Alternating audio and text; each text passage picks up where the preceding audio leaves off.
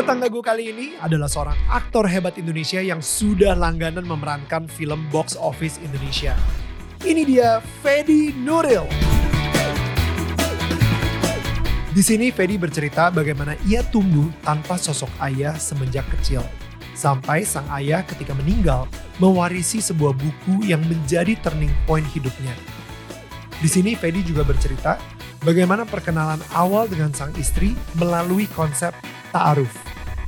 Inilah dia kisah tetangga kita.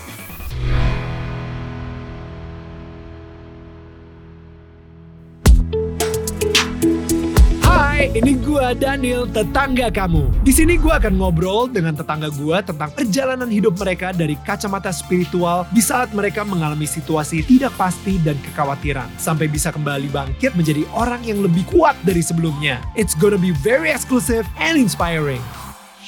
Hai semua tetangga-tetangga yang gue sayangin, thank you so much udah kembali lagi dan nonton lagi di Daniel Tetangga Kamu. Dan seperti biasa sebelum gue ngobrol sama tetangga kita, gue pengen uh, ngajak kalian untuk terus support channel kita dengan cara klik tombol subscribe atau kalian bisa langsung uh, klik juga tuh tombol super thanks dan kasih support ke kita. Atau kalau kalian pengen menjadi tribe kita atau bagian dari tetangga kita, kalian bisa ngebeli uh, merchandise yang kita punya dan langsung aja ke toko online kesayangan kamu dan cek atau search DMN official merch atau ini ada QR code di sini langsung aja nih dijepret.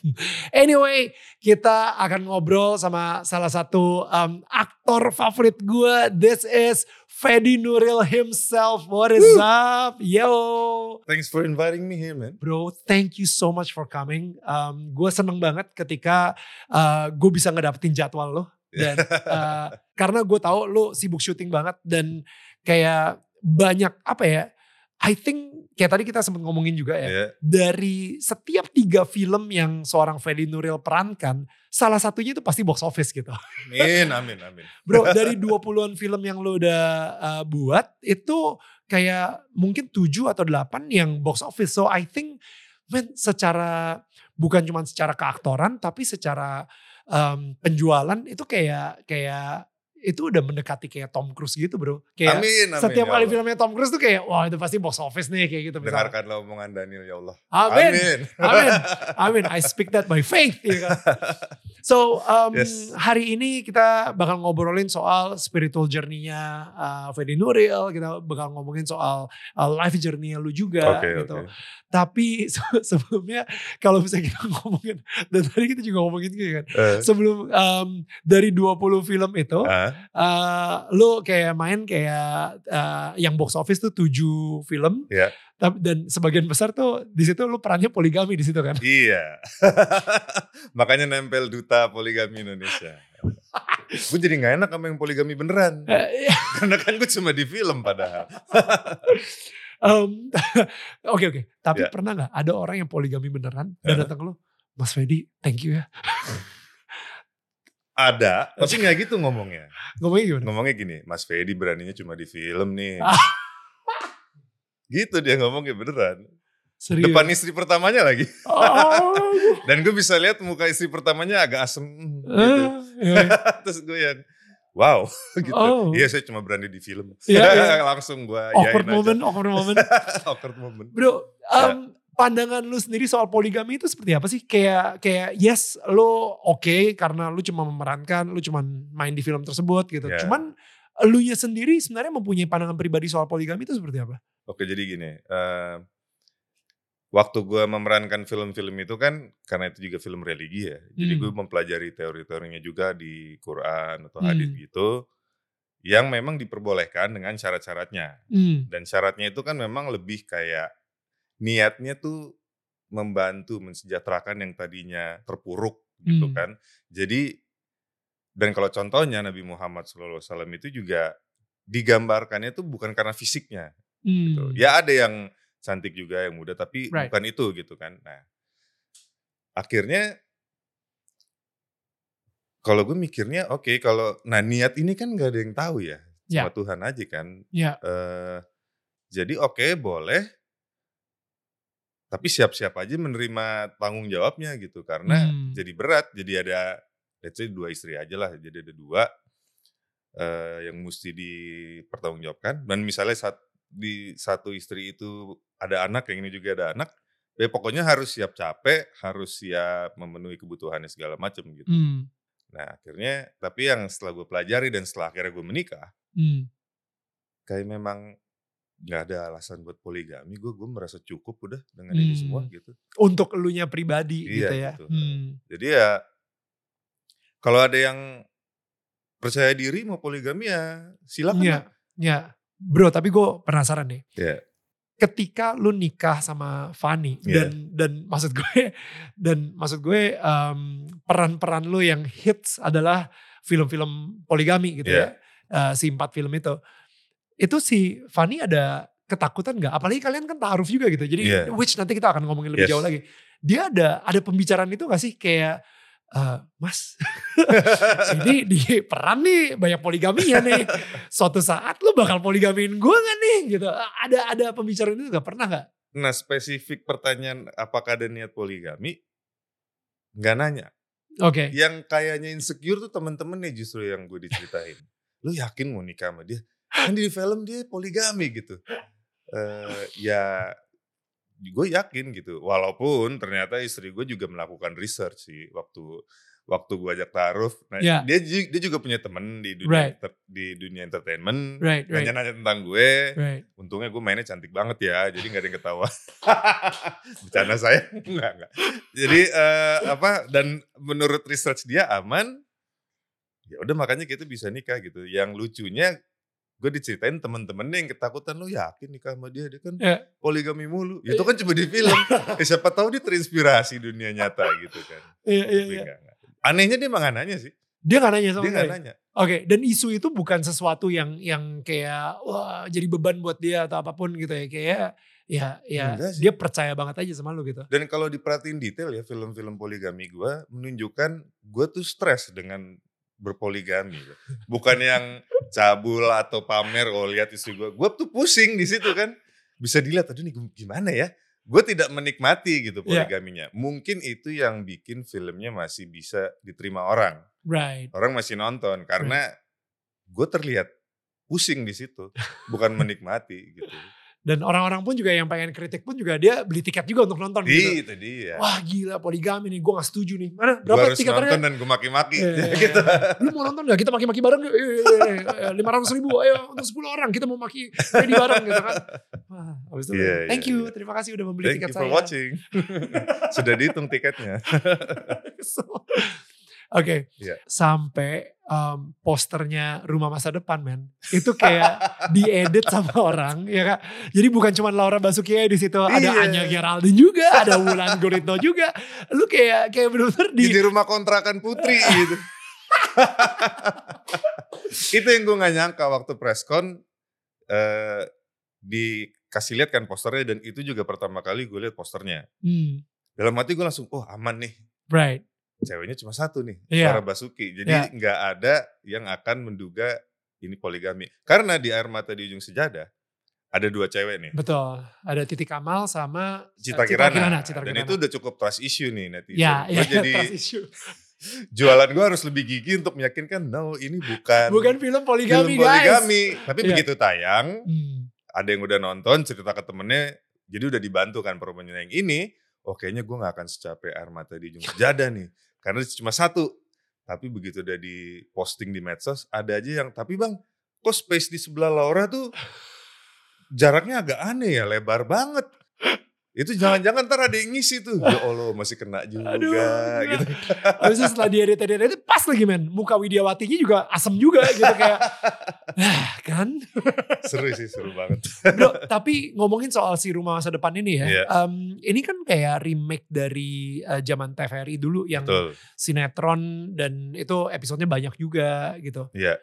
Tapi sekarang dibuat jadi sebuah film layar lebar dan em, lu sendiri eh, temanya itu masih masih sama atau gimana ya? Karena ini bukan per episodik gitu. Itu, Bukan. Ah, Eh, temanya memang dibikin lebih modern. Oke. Eh, karakter-karakternya yang karena kan waktu itu juga sangat fenomenal ya Hmm. eh, rumah masa depan itu. Jadi kita ngambil karakter-karakter itu ada tujuan nostalgianya, Hmm. tapi isunya yang diambil atau kemasan filmnya itu lebih modern gitu. Hmm. Jadi orang lebih relate atau jadinya dari target kita tuh bukan cuma yang dulu nonton yang sekarang udah berumur ya. Jadi yang Hmm. muda-muda juga bisa nikmatin gitu. Right. Tapi yang gue suka banget dari konsepnya, jadi waktu kan karakter gue namanya Sukri, Mhm. dikabarin kalau abahnya meninggal, bapaknya meninggal, akhirnya pulang kampung ke desa Ciberem itu, Hmm. itu masih bergaya modern lah. Sampai akhirnya kepulangannya ditunda karena Widiawati diduga melakukan kriminal, kita nggak bawa baju banyak, kita belanja ke pasar, terus semuanya looknya berubah jadi ke tahun 80 sih itu ya. Oh wow. Oke. Jadi orang yang tadinya kok terlalu modern sih keluarga Hmm. ini nggak kayak yang dulu. Ternyata ada perjalanannya kenapa kita muncul balik kayak dulu lagi tampilannya. Wow. Tapi esensi dari film karena Widiawatinya itu benar-benar galak banget men sama Laura Basuki kan Yes. di trailer gitu ya Iya. gue nonton gitu ya. Kayak uh, esensinya ini sebenarnya cerita tentang apa sih? Tentang kekeluargaan kah? Tentang ada tiga generasi uh, di satu rumah dan Iya. like what, what is it about? Jadi inti ceritanya tentang eh, mertua Mhm. eh, Widiawati yang diperankan Ibu Widiawati yang nggak bisa menerima keberadaan menantunya dari awal menikah dengan anaknya Sukri. Laura dicerita di situ jadi surti Mhm. karena ada dendam di masa lalu. Damn. Wow. Jadi Oke. mertua dan mantu ini isunya Wow. ket- ketidakakurannya dan Berapa banyak tetangga kita yang saat ini lagi nonton tiba-tiba relate gitu. Wait, what what mertua sama mantu? Yo. This is my cup of tea. yes. Oke, oke. Ya sit down, relax, and just watch it. Iya jadi itu dan gue sebagai kepala keluarga Sukri dan kan kita saya punya dua anak ya, yaitu struggling untuk bagaimana keluarga ini bisa dipertahankan gitu. Hmm. Dan ditambah lagi eh Bu Kokom yang diperankan Widiawati ini Mhm. diduga terlibat masalah kriminal juga gitu. Hmm, Jadi berlapis Wow. plotnya. Wow. Dan maksudnya the fact that pertama dia uh, di penjara. Iya. uh, Iya. uh, I mean like uh, di trailer juga ada gitu dia kayak Iya. udah gue pengen tidur aja di penjara gitu. Dan habis itu dia punya dendam di masa lalu terhadap uh, si Terhadap uh, Laura Surti. Surti Iya. Itu pun juga kita jadi penasaran sih kayak what what is the dendam about gitu eh, ya Iya. ya harus nonton lah Ya harus intinya kayak gitu sih Eh, endingnya pun juga gue jadi penasaran sih bagaimana cara akhirnya mereka udah pasti ini karena film keluarga I think mereka berrekonsiliasi dan mungkin Oh, yakin banget rekonsiliasi. oh enggak ya enggak ya enggak ya Kadang kan ada yang kalau mau bahagia justru mesti pisah. wis oh gila I'm not saying that, but Yes, kan option itu ada Oke, gitu. jadi gak ketebak nih, Nggak gak ketebak nih. Oke, oke. Kita tonton bareng-bareng nanti. Iya. Em, 7 Desember ya keluar. 7 Desember 2023. Tapi kalau dari lu sendiri sama mertua, em, itu gimana bro? Kayak em, atau misalnya istri lu sama nyokap lu gitu? Ya itu sebelum gue nikah memang banyak banget dapat cerita atau jangan gitu dari temen-temen ya. Ingat Right. itu akan challenging. Lo tuh nggak nikah cuma sama pasangan lo, tapi lo menikahi semuanya kan. Akhirnya gue mempelajari sih cara eh, berinteraksi dengan mertua, cara Hmm. berkomunikasi, mempersiapkan diri lah gitu. Right. Yang gue selalu gue puter-puter di kepala gue, nggak mungkin 100% cocok. Lo, lo Hmm. mungkin sama istri lo pun nggak mungkin 100% cocok gitu. Right. Tapi sejauh ini alhamdulillah aman sih. Aman Hmm. banget. Eh gue merasa sangat diterima sebagai mantu, sangat disayang. Eh, dan gue juga melihat eh, nyokap gue ke Fanny juga sangat menerima Hmm. sampai gue inget banget waktu anak pertama gue lahir. Nyokap gue ngewarisin salah satu jewelernya dia ke Fanny bilang, Mama mau ngucapin terima kasih kamu udah ngasih mama cucu. Wow. Dan itu di parkiran mall. Wow. Very dramatic, Wow. very touching, tapi Ya. terjadi di parkiran mall karena kita mau pisah mobil gitu. Oh wow. Oh, Iya dan wow. di situ gue kayak alhamdulillah banget eh, diterima gitu eh, sebagai mantu dan sayangnya berasa, we can feel it. Hmm, kita kita nanti mungkin bisa belajar banyak dari rumah masa depan juga Yes. gitu ya untuk untuk em, interaksi antara mantu dan mertua gitu. Tapi kalau dari lu sendiri rahasia lu untuk bisa menjaga keharmonisan antara mertua dan istri lu gitu misalnya nyokap lu dan dan eh, istri lu ada gak sih tips-tipsnya yang lu pelajarin yang yang mungkin bisa menjaga keharmonisan tersebut? Yang paling gue pegang sih dan dan ini juga challenging ya adalah mendengarkan. Oke, okay.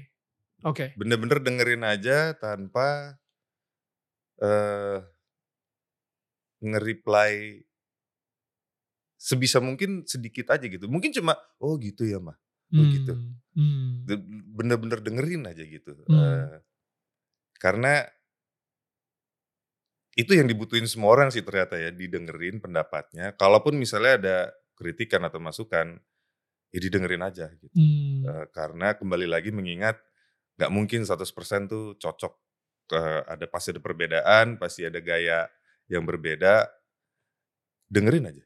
Hmm.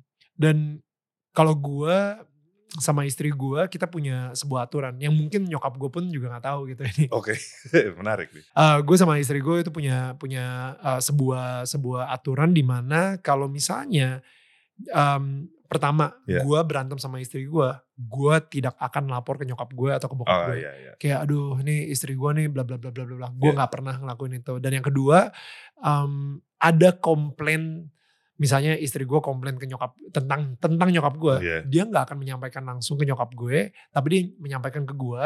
Okay. Dan nanti dengan caranya gue, gue akan ngomong ke nyokap gue gitu. Okay, okay, dan begitu juga sebaliknya gitu ya, kalau misalnya um, nyokap gue ada komplainan soal istri gue, ya gue yang jadi filternya. Karena kalau misalnya nanti ngomong langsung, wah itu bakal tegang-tegangan yeah, yeah, gitu kan, yeah, dan iya. jadi akhirnya nggak enak. Jadi I, th I think um, nggak tahu ya itu sebuah aturan di pernikahan kita yang yang lumayan cukup kita pegang teguh sebisa mungkin gitu. Yeah, yeah, yeah. Dan uh, gue gak tahu sih kita belajar dari mana atau kita ngelihat posting Instagram siapa gitu. Tapi dari Tapi ya sih, ya, ya. kayak kayak lo misalnya ribut dan apa sudah sepakat untuk nggak cerita ke orang tua masing-masing, ya kalau itu di di Islam pun juga gitu diajarin ya dalam rumah tangga gitu. Okay. Jangan, jangan sampai orang tua tahu, hmm. uh, apalagi orang lain tahu hmm. gitu. Ya orang tua bah, padahal masih kandung ya, tapi hmm. itu pun kalau bisa jangan tahu karena right. mereka akan bersusah hati gitu. Hmm. Ya juga, jadi itu juga salah satu yang gue pegang sih, hmm. nggak nggak jangan sampai tahu gitu komplain. Actually ini gue nggak tahu deh kita ngomongnya agak loncat-loncat, tapi gue sebenarnya biasanya ketika kita mulai kita um, kita mulai dengan origin story-nya sebenarnya, oh, okay. origin story tetangga kita gitu. Gue yeah. pengen lebih mengenal lo, uh, lebih mengenal masa kecil lo yeah. kayak gitu. Um, gue penasaran sih masa kecilnya seorang Fedi Nuril itu uh, seperti apa dan apalagi lu sebagai anak bungsu dan um, kalau nggak salah gue denger ketika kelas 5 SD yeah. uh, bokap meninggal yeah. gitu kan nah jadi um, boleh diceritain gak sih what what was your childhood like gitu oke okay. uh, eh, masa kecil gue sih gue bisa bilang dengan yakin, alhamdulillah baik-baik aja yang tidak menimbulkan childhood trauma sih. Hmm. Uh, ya ada kejadian-kejadian uh, bandel, kena marah, tapi gue merasa lebih lebih banyak senengnya. Oke. Okay. Lebih banyak senengnya gitu. Uh, paling keselnya tuh kayak anak bungsu biasanya dapat sepatu atau baju tuh lungsuran dari yang atas. Betul. Padahal kita punya taste sendiri, mainan hmm. juga.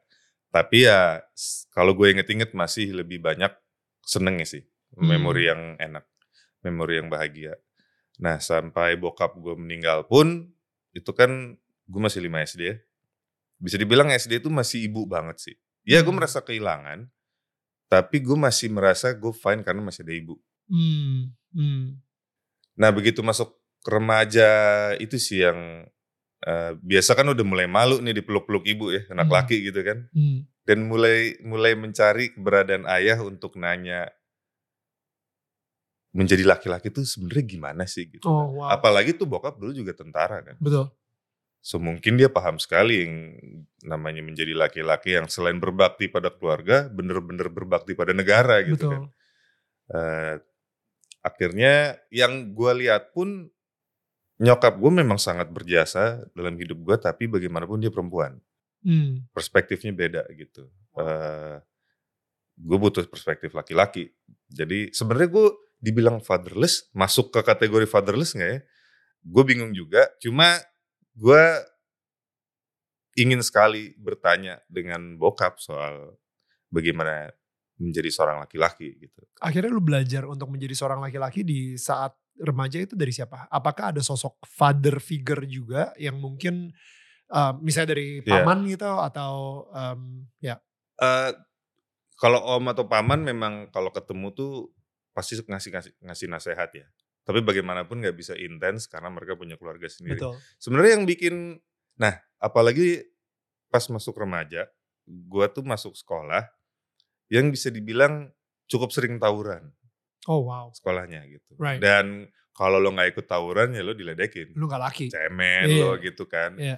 Tapi gue beneran takut untuk ikut tawuran karena yang gue lihat itu tuh nusuknya tuh nggak mikir gitu. Damn. Kayak yang lu bisa mati konyol di situ. Emang nekat dan kesannya kayak benci banget. Padahal lu mungkin nggak tahu nama tuh orang siapa gitu Iya. kan. Iya. Nah, Wow. tapi gue juga kesel dikatain cemen. Hmm, ya, dan lu pengen nunjukin dong bahwa ya gue Gue nggak laki cemen gitu. gitu. Eh, jadi gue menurut gue alasan gue nggak mau ikut tawuran make sense. Tapi gue juga kesel dikatain cemen. Gue kayak pengen lu berhenti ngatain gue cemen gitu. Hmm. Akhirnya gue sebenarnya nemu nemu pelarian mungkin masih jatuhnya ya di gitar sih Hmm. gue mulai Di mulai musik. main gitar Hmm. akhirnya gue menemukan pegangan gue istilahnya tuh rock and roll Rock and roll. rock and roll jadi selain genre musik tapi juga sebagai sebuah prinsip di mana lo ngelakuin aja apa yang membuat lo happy dan ya udah yang lain nggak usah Hmm. dipikirin gitu Hmm. Eh, kayak misalnya rock and roll kan dulu identiknya selalu kayak sex, drug and rock and roll dan Betul. minuman alkoholnya pasti Jack Daniels. Hmm. Yoi. Jack D, Jack D. Mau mau rasanya nggak enak sebenarnya cuma Iya. idola gue Jack Daniels orang pada ngikutin gitu Ya, kan. ya, ya, ya. Tapi rock and roll itu adalah you know what? I don't like Jack Daniels, I like Leci Martini. So I'll drink that. That's rock and roll. Itu yang gue tangkep tuh pas gue itu. Right. So kayak, you know, gue nggak mau mati konyol. Jadi Hmm. bodo amat lo ngatain gue cemen, gue mau pulang ke rumah main gitar. Hmm. That's it. Nah itu yang yang membuat gue cukup solid di masa remaja untuk be myself. Hmm. Apakah itu menjadi udah menjadi laki-laki gue nggak tahu, tapi membuat gue nyaman melewati masa sekolah itu eh, tanpa sosok ayah lah, gitu. Hmm.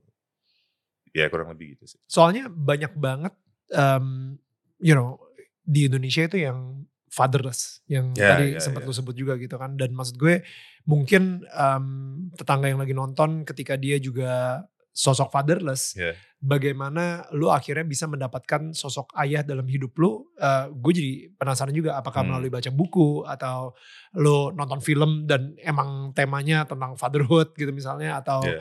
uh, lu nyari seorang mentor atau guru yang uh, yang emang bisa you know in a way nge-replace sosok bokap lu itu gitu. Oke, eh, itu jadi waktu bokap gue meninggal, gue dan kakak-kakak gue diwariskan buku. Oke. Tapi cuma anak-anak, nyokap enggak. Wow. Anehnya waktu itu dikasih tuhnya gue gitu. Ini untuk anak-anak. Wait, bokap lu meninggal karena apa? Eh ya disebutnya ya jantung ya. Lagi nonton TV jatuh aja udah. Oh, tapi beliau sempat nulis warisan. Eh sebenarnya tuh yang nulis bukunya bapaknya. Jadi kakek gue yang nulis. Oh. Dan itu turun temurun ke anak-anaknya. Oh. Jadi waktu wow. itu ya di bokap gue juga meneruskan ini warisin ke anak-anak kakak gue Oke. sama gue gitu. Oke, oke. Ju- Judul bukunya apa? Yang ditulis sama kakek lo. Menuju makrifat Allah. Wow.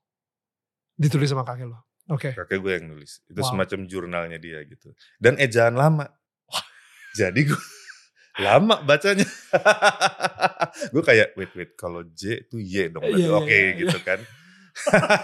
Wow, wow. ya gitu. Oke. Nah itu eh, tapi di- di- ditulis banget ini untuk eh, untuk darah daging. Oh, wow. Kalau di luar darah daging mau baca tapi nanti cenderung meledek sebaiknya jangan. Nah nyokap bilang, Mama udah pernah baca belum? Ya Mama kan ini bukan darah daging sebenarnya. Ah Mama mah pasti nggak ngeledek juga. Ya Mama pokoknya nurutin aja mana nih baca. Wow. Barulah aku mulai baca gitu kan. Nah sampai eh, satu titik gue itu di undang-undang pengajian juga suka datang gitu. Hmm. Gue gua, gua anggap itu untuk membalance kehidupan gue lah gitu. Eh, masih muda, senang-senang, tapi ya gue juga pengen nimba ilmu juga. Rock and gitu. roll, tapi tetap Iya, ada tetap ngajinya, itu gitu ngajinya. kan. Nggak karena gini, dari kecil pun gue udah tertarik sama kisah-kisah agama Hmm. gitu. Mungkin ngamalinnya belum, tapi kisah-kisah agama gue udah tertarik gitu. Menurut gue kayak komik seru banget kayaknya ceritanya Right. gitu kan. Nah, terus akhirnya gue datang ke pengajian, ada satu pengajian yang gue tek, loh kok dia nyebut kata-kata yang ada di buku itu ya? Wow. gitu. Nah akhirnya gue baca lagi dan eh, pengajian ini juga ngerilis buku-buku gitu ya. Gue coba beli satu, gue baca. Ini kok banyak istilah-istilahnya. eh, dan akhirnya gue baca lagi buku yang itu yang eh, yang dari kakek gue itu. Ya di situ juga bisa dibilang salah satu turning point pencerahan gue dalam semakin memahami agama Islam lah Wow. gitu. Dan jadi gue jadi lebih paham cara baca bukunya gimana dan terus masih suka gue baca juga sampai sekarang dan itu menjadi dan akhirnya gue ketemu guru Mhm. guru yang menurut gue sampai sekarang ini cocok Hmm. eh, dan jadi pembimbing gue sampai sekarang. Wow. Iya. Tadi lu ngomong turning point. Hmm. Em, gimana sih kayak sebelumnya hidup lu seperti apa dan setelah lu ngerti konsep tersebut akhirnya Iya. hidup lu seperti apa dan em, konsep apa yang lu benar-benar kayak wah ini prinsip ini bener banget sih dan itu yang ngerubah semuanya gitu. Oke. Jadi sebelum sebelum turning point itu sih bisa dibilang sebenarnya hidup gue juga masih baik-baik aja sih. Gue Hmm. gua alhamdulillah nggak pernah yang terpuruk sampai depresi kayak bener-bener nggak tahu mesti ngapain. Hmm. Eh, tapi di situ membuat hidup gue jadi lebih tahu tujuan lah kira-kira apa gitu.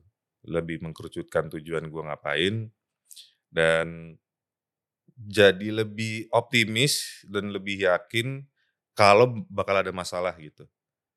Kira-kira datang gue mesti ngapain dan ada pembimbing yang enak ya sih.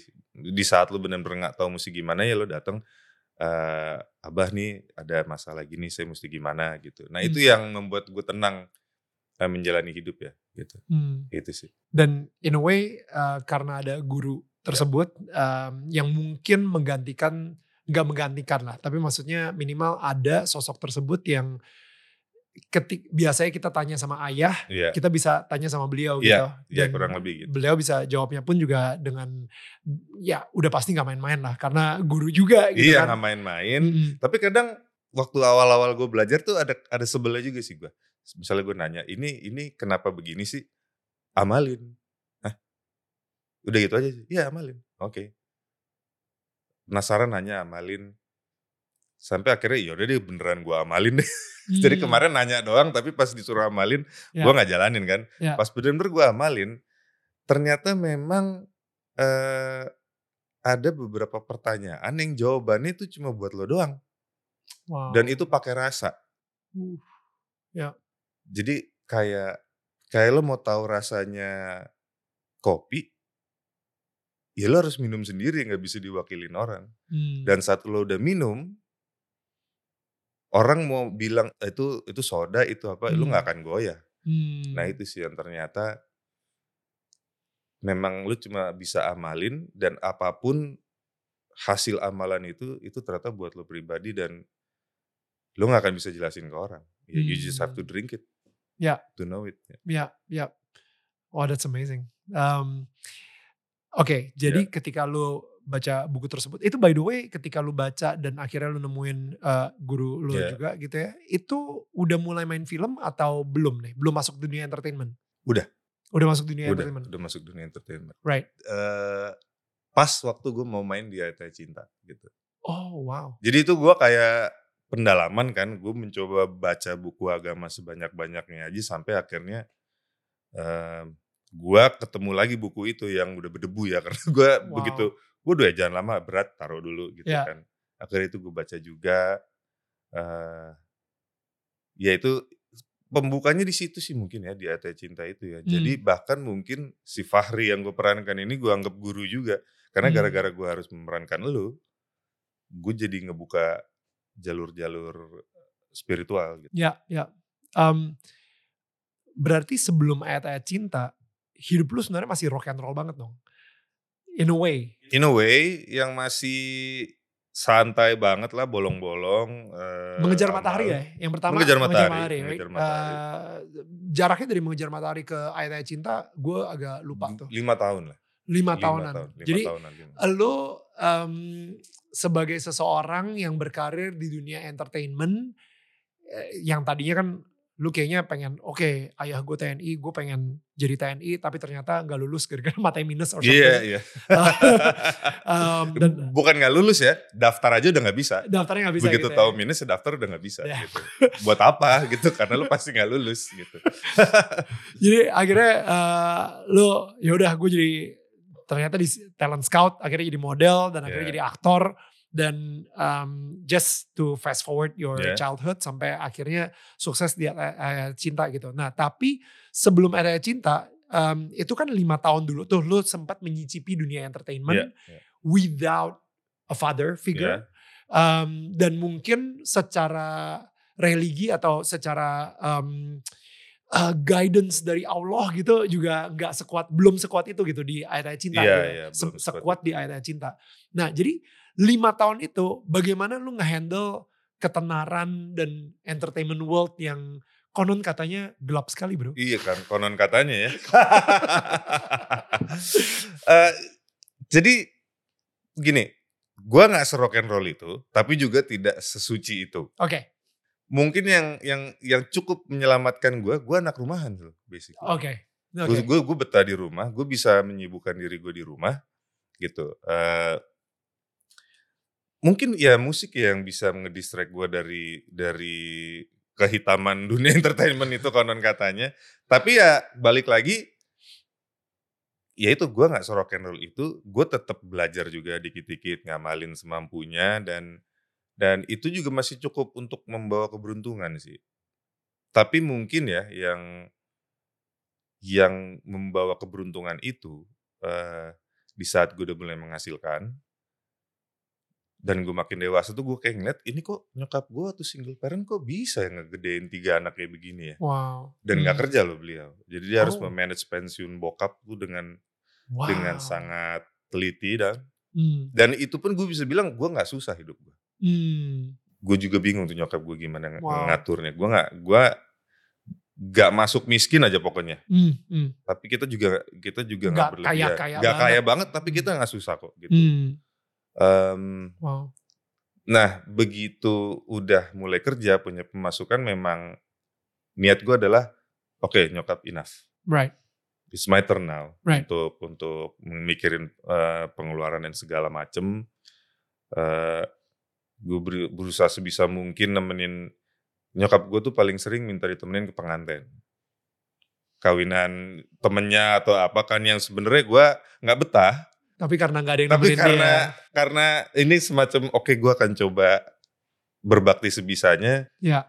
gue berangkat gitu loh Hmm. misalnya hal-hal yang kayak begitu-begitu mungkin di situ yang masih dan gue juga buat gue itu pembuktian kalau ada ustadz apa yang bilang kalau kamu nge berbakti sama orang tua kamu ya rezeki kamu lancar kamu dijauhin dari masalah dan itu agak terbukti juga memang Hmm, yang sampai sekarang ini pun juga you're one of the most successful actor di Indonesia juga gitu. Jadi Iya benar ah, terbukti ya dan um, dan film lu juga diberkatin juga apalagi yang tema-tema religi gitu Iya kan. iya Religi ya, bukan poligami, religi. iya iya iya religi bukan religi, poligami. bukan- religi. yes Em, bro, gue pengen ngomongin soal eh, Fanny nih, istri lo gitu kan. Oke. Di mana lo tadi bilang kayak eh, ta'aruf gitu eh, sama Fanny. Oke, konsep ta'aruf mungkin bagi teman-teman yang mungkin non-muslim yang eh, nonton, gue pengen ngejelasin sedikit aja. Well, sebenarnya yang lebih tepat eh, Fedi sih. Jangan gue gitu. Tapi intinya boleh dijelasin gak konsep Oke. ta'aruf ini sendiri? Ini juga ini juga yang gue tahu ya teorinya itu arti dari ta'aruf itu perkenalan. Jadi kayak misalnya gue datang nih ke studio lo, gue belum kenal sama Mbak Masnya, Hmm, dan kita saling memperkenalkan diri, saya Fedi, itu ta'aruf. Oke, Tuh, lo datang ke kantor baru, lo memperkenalkan diri ke tim yang lain itu ta'aruf. itu ta'aruf. Nah, Oke. tapi dalam konteks eh Islam itu begitu kita nyebut ta'aruf, itu eh, identiknya dengan cari jodoh Oke. gitu. Oke. Nah, jadi saya mau taaruf gitu. Nah, itu pasti oh berarti lagi cari jodoh gitu. Ah. Nah, dan memang eh cari jodohnya ini konsepnya yang yang gue tahu ya, memang seperti seperti meeting sih kalau gue bilangnya, Iya. memperkenalkan diri masing-masing, biodata lah Right. Untuk mengenal eh, orang itu. Habis itu tukeran konsep rumah tangga yang mau dibangun tuh kayak gimana. Oh wow. Dan yang pasti ngikutin syariah agama juga ya yang yang tidak tidak bersentuhan, menjaga pandangan, eh, apalagi sampai berhubungan gitu segala Right, macam right, kayak gitu itu right. udah pasti ngikut juga gitu. Right. Oke. Right. Itu konsepnya. Kurang lebih ya. Itu konsepnya. Konsep taruh. taruh. Jadi eh, pertama kali banget lu ketemu sama Fanny itu eh, gara-gara dikenalin. eh, sorry. Sebelumnya lu pernah pacaran dong? Bukan Sama sama, Fanny. Fanny ya? Oh, Bukan. oh, Maksudnya iya, iya. pacaran normal gitu. Pernah, Maksudnya- pernah. Normal bukan- bukan yang taruh. nembak terus pacaran ya. Exactly. Exactly. Terus putus ya itu. Oke. gue nggak nanya berapa jumlahnya, berapa angkanya enggak. Gue gak akan nanya. Tapi Nggak gue pengen, banyak juga kalau tanya, nggak banyak juga ya, 25 gitu. Itu film, bukan. Oke. gue Ya. gue tapi lu udah pernah pacaran lu udah pernah ngerasain kayak oke pacaran sama seseorang Ya. dan habis itu uh, ah, suatu saat nanti kita nikah ya bla bla bla whatever Iya, hah. tapi di saat itu lu malah memutuskan no gue pengen taaruf Yes. gitu itu kenapa A- apa motivasi lo yang udah pernah nyobain pacaran tapi lu malah pengen uh, taaruf Karena satu, gue merasa gue udah waktunya settling down nih, bener-bener menikah. sama yang pacaran kemarin itu nggak ada satupun yang bisa lu nikahin Kayaknya gue juga belum kepikiran nikah sih waktu itu. Gitu. Hmm. Tapi saat gue mulai, oke ini udah waktunya settling down, gue mau nikah dan bener-bener fokus ngebangun rumah tangga, no Hmm. more adventure, no more playing around. Mhm. Nah mulai nih, eh tapi ngelihat pengalaman pacaran sebelumnya, yang gue rasain adalah, walaupun orangnya kepribadiannya beda-beda, tapi kok masalahnya kurang lebih sama ya. Hmm. Mulai dari jadian, terus ntar berapa lama mulai ada berantem, segala macam, sampai akhirnya putus. Hmm. Dan salah satu yang suka jadi konflik itu adalah jarang ketemu karena kesibukan Hmm. gitu kan. Eh, dan selalu jadi isu aja gitu. Maksudnya kan ya gue mencintai pekerjaan ini, masa gue jadi ganti kerjaan sih gitu kan. Right. Yang menurut gue akhirnya kayaknya ini akan selesai kalau gue nikah lah. Hmm. Oke gue mungkin pergi syuting, tapi malamnya gue pulang ya ketemu istri gue kan gitu. Right. Nah akhirnya mulailah eh, benar-benar fokus men- mencari, tapi itu pun ternyata kok susah ya. Yang sampai gue mulai ngeblank, tar dulu sebenarnya nyari nyari jodoh yang tepat tuh gimana sih? Kan 100% nggak akan cocok nih. Hmm. Jadi minimal berapa persen nih yang oke lah bisa ditolerir perbedaannya, ngu- ngukurnya gimana kan lu bingung. Ya. Nah akhirnya eh gue inget tiba-tiba aja dapat inspirasi. Lah kan gue waktu syuting Teh Cinta gue belajar tentang ta'aruf ya. Hmm. Oke, gue coba. Dan gue itu juga dalam belajar agama. Itu sebenarnya gue tuh gue mau buktiin gitu. Jadi gue nggak cenderung langsung nyerap.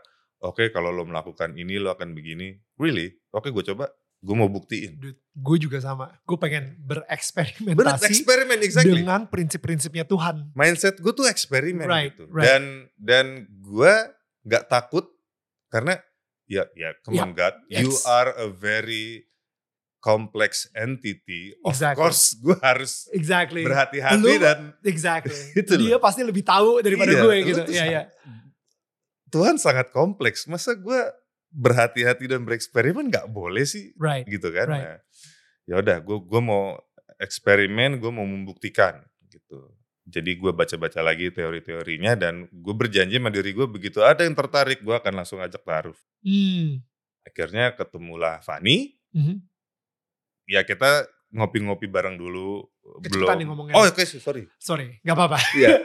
gue kecepatan ngomongnya. Gue gua, gua, uh, justru pertanyaan gue berikutnya Iya. adalah, um, lu bisa ketemu Fanny itu siapa yang kenalin um, atau misalnya nggak tahu nih konsep konsep taaruf sendiri itu misalnya kayak dikenalin sama harus seorang ustadz kah dan doa lu sendiri ke Tuhan apakah Tuhan gue udah berusaha dengan tenaga gue untuk nyari jodoh tapi ternyata nggak bisa boleh nggak kali ini Tuhan yang pilihin jodohnya buat gue you know it's, it's Yeah, is yeah. that the Oh, oke, kind of oke, uh, prayer dan sampai akhirnya dikenalin sama siapa dan lain-lain Oke, jadi gini. Pertama kali gue ada interaksi dengan Fanny, zaman BlackBerry. oke Jadi waktu itu gue syuting video klip di Jogja.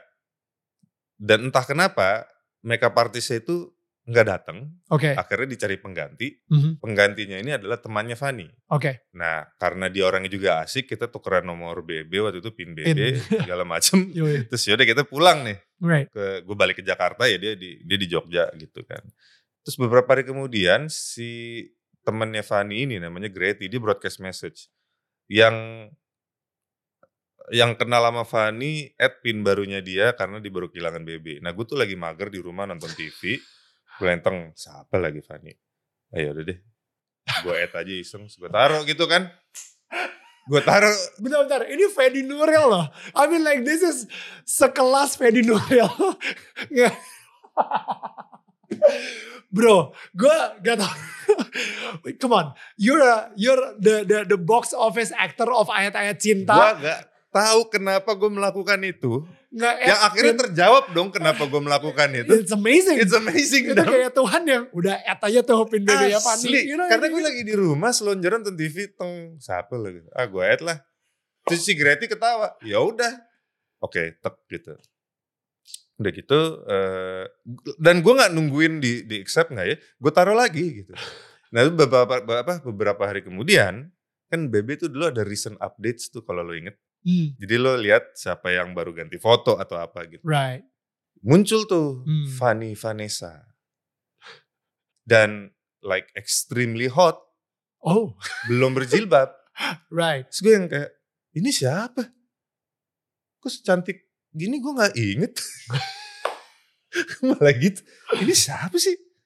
Wait, masa gue nggak inget sih? Ini cantik loh saya hot gini gimana ceritanya nih ya udah gue gua gua nggak pikirin lagi terus tiba-tiba gue baru keinget eh Greti yang waktu lu broadcast Fanny ini bukan sih iya oh di accept tuh ya udah terus akhirnya gue cuma basa-basi eh salam kenal ya thank you udah di accept oke gitu Right. Dah, udah tuh. Em, dua tahun kemudian, gue ada syuting di Jogja, gue ajak Greti ini makan. Temenin gue Hmm. makan sate kelatak di Jogja. Ini dua tahun kemudian. Dua tahun kemudian, Oke, wow. gitu. eh gue mau makan sate kelatak di Jogja, Hmm. Gret temenin dong. Aduh gue lagi sibuk, gue suruh temen gue yang Fanny itu deh. Lah kan gue belum pernah ketemu dia. Oke. Nggak, nggak apa-apa dia anaknya juga asik kok. Oke, gitu. Nah ternyata Konsep ta'aruf sendiri belum. saat itu masih belum. Lu Nggak benar kepikiran sama sekali. gak gitu. kepikiran kayak oke gue lagi Oh enggak, enggak, enggak.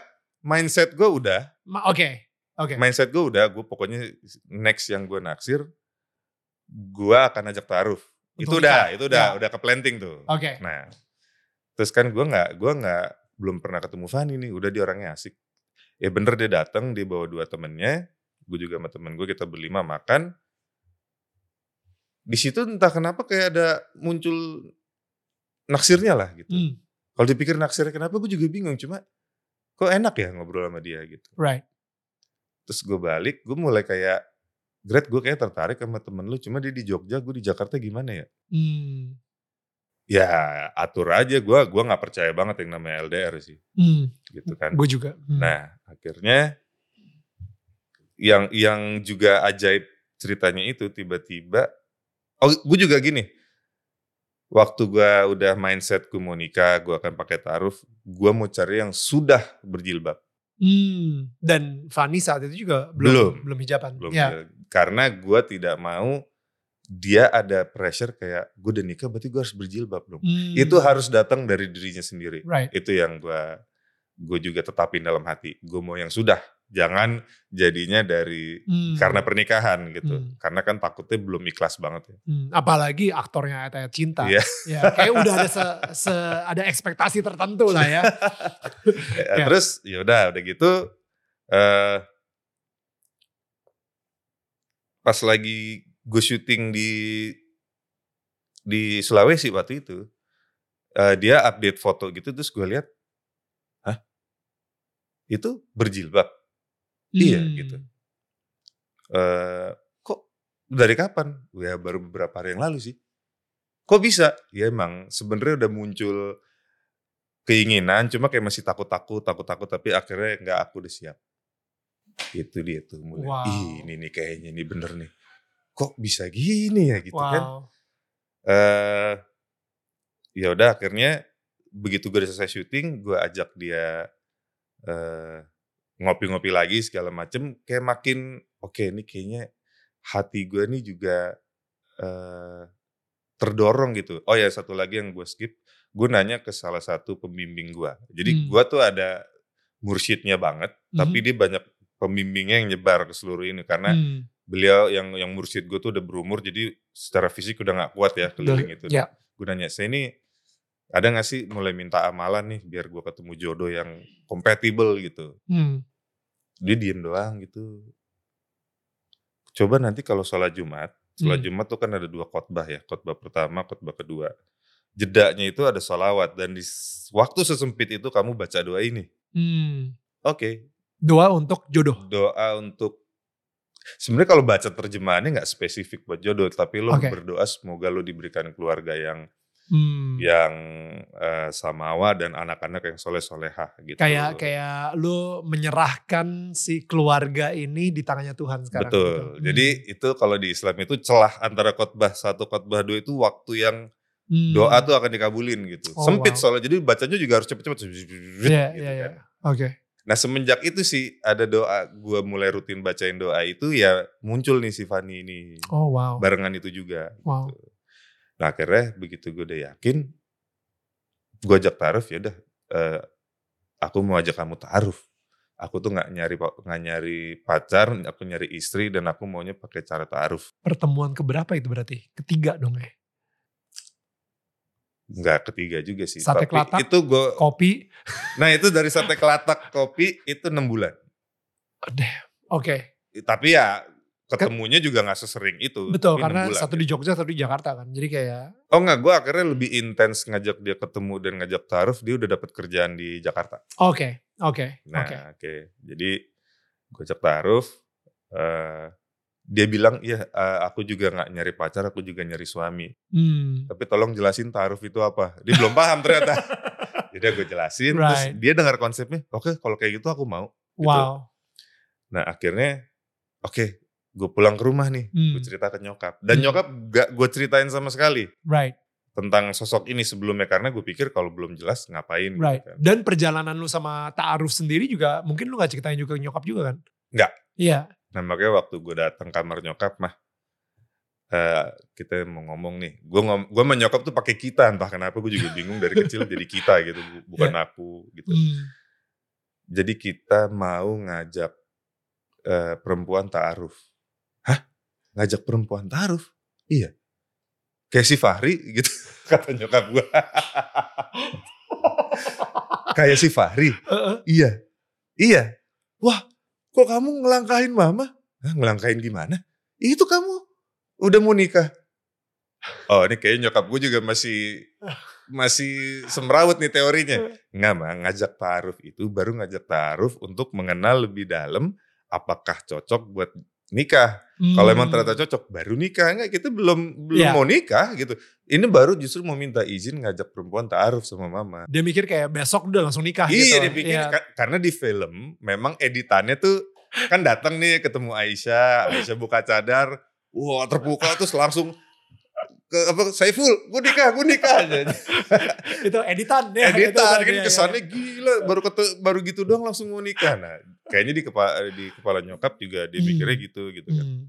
Eh, enggak, jadi ini mau minta izin.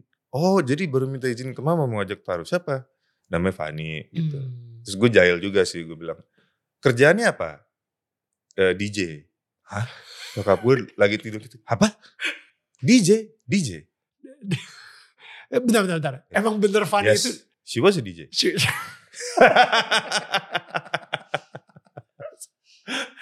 Bro, dia nge-DJ, Dia tapi nge-DJ. abis itu udah udah hijaban, dia kerjanya yang lain gitu. Makanya, ke dia, Jakarta. dia merasa harus memutus hubungan kerja sama manajemennya dulu. Gue I'm done being a DJ.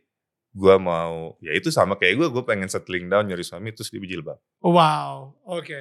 Oh wow. Nah, jadi Oke. bilang, DJ dari nyokap gue bilang gitu DJ gitu iya tapi udah pensiun dan sekarang berjilbab oh udah jadi Cek, mundur cek. lagi oh oke gitu kan eh kayak gimana orangnya dikasih lihat segala macam fotonya gitu. Apa yang bikin kamu yakin sama dia? Ya emang belum yakin karena Right. kita harus ngobrol dulu ngomongin konsep rumah tangga yang dimau kayak gimana.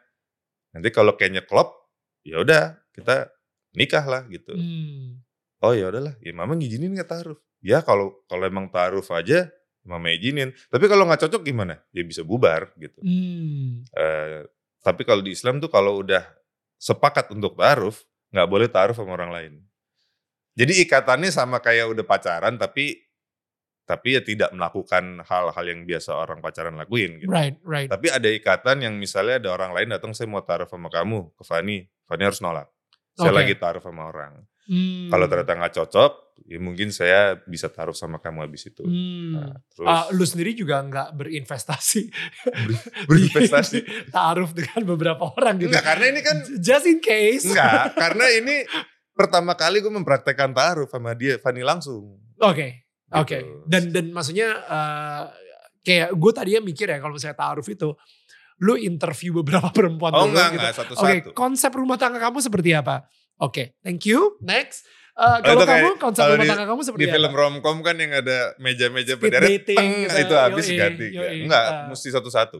Oke, oke. Dan Satu-satu. itu benar-benar satu eh, ketika di awal aja ketika konsep rumah tangganya emang udah nggak cocok, ya lu nggak jangan langsung bilang saya mau taaruf gitu, enggak gitu ya. Jadi lu kayak kalau misalnya nggak cocok, ya udah move on aja gitu. Kayak hmm, Iya, deh iya. kayaknya iya. bukan ini deh. gitu. Taruhnya dianggap selesai, Hmm. sudah bisa taruh sama orang lain. Hmm, Kayak Oke gitu. oke oke. What a story. Guys, thank you for listening to this podcast. Tapi tenang, ini baru part pertama. Masih ada part selanjutnya. So, biar kalian gak ketinggalan, yuk di follow dulu. Ingat ya, Daniel tetangga kamu.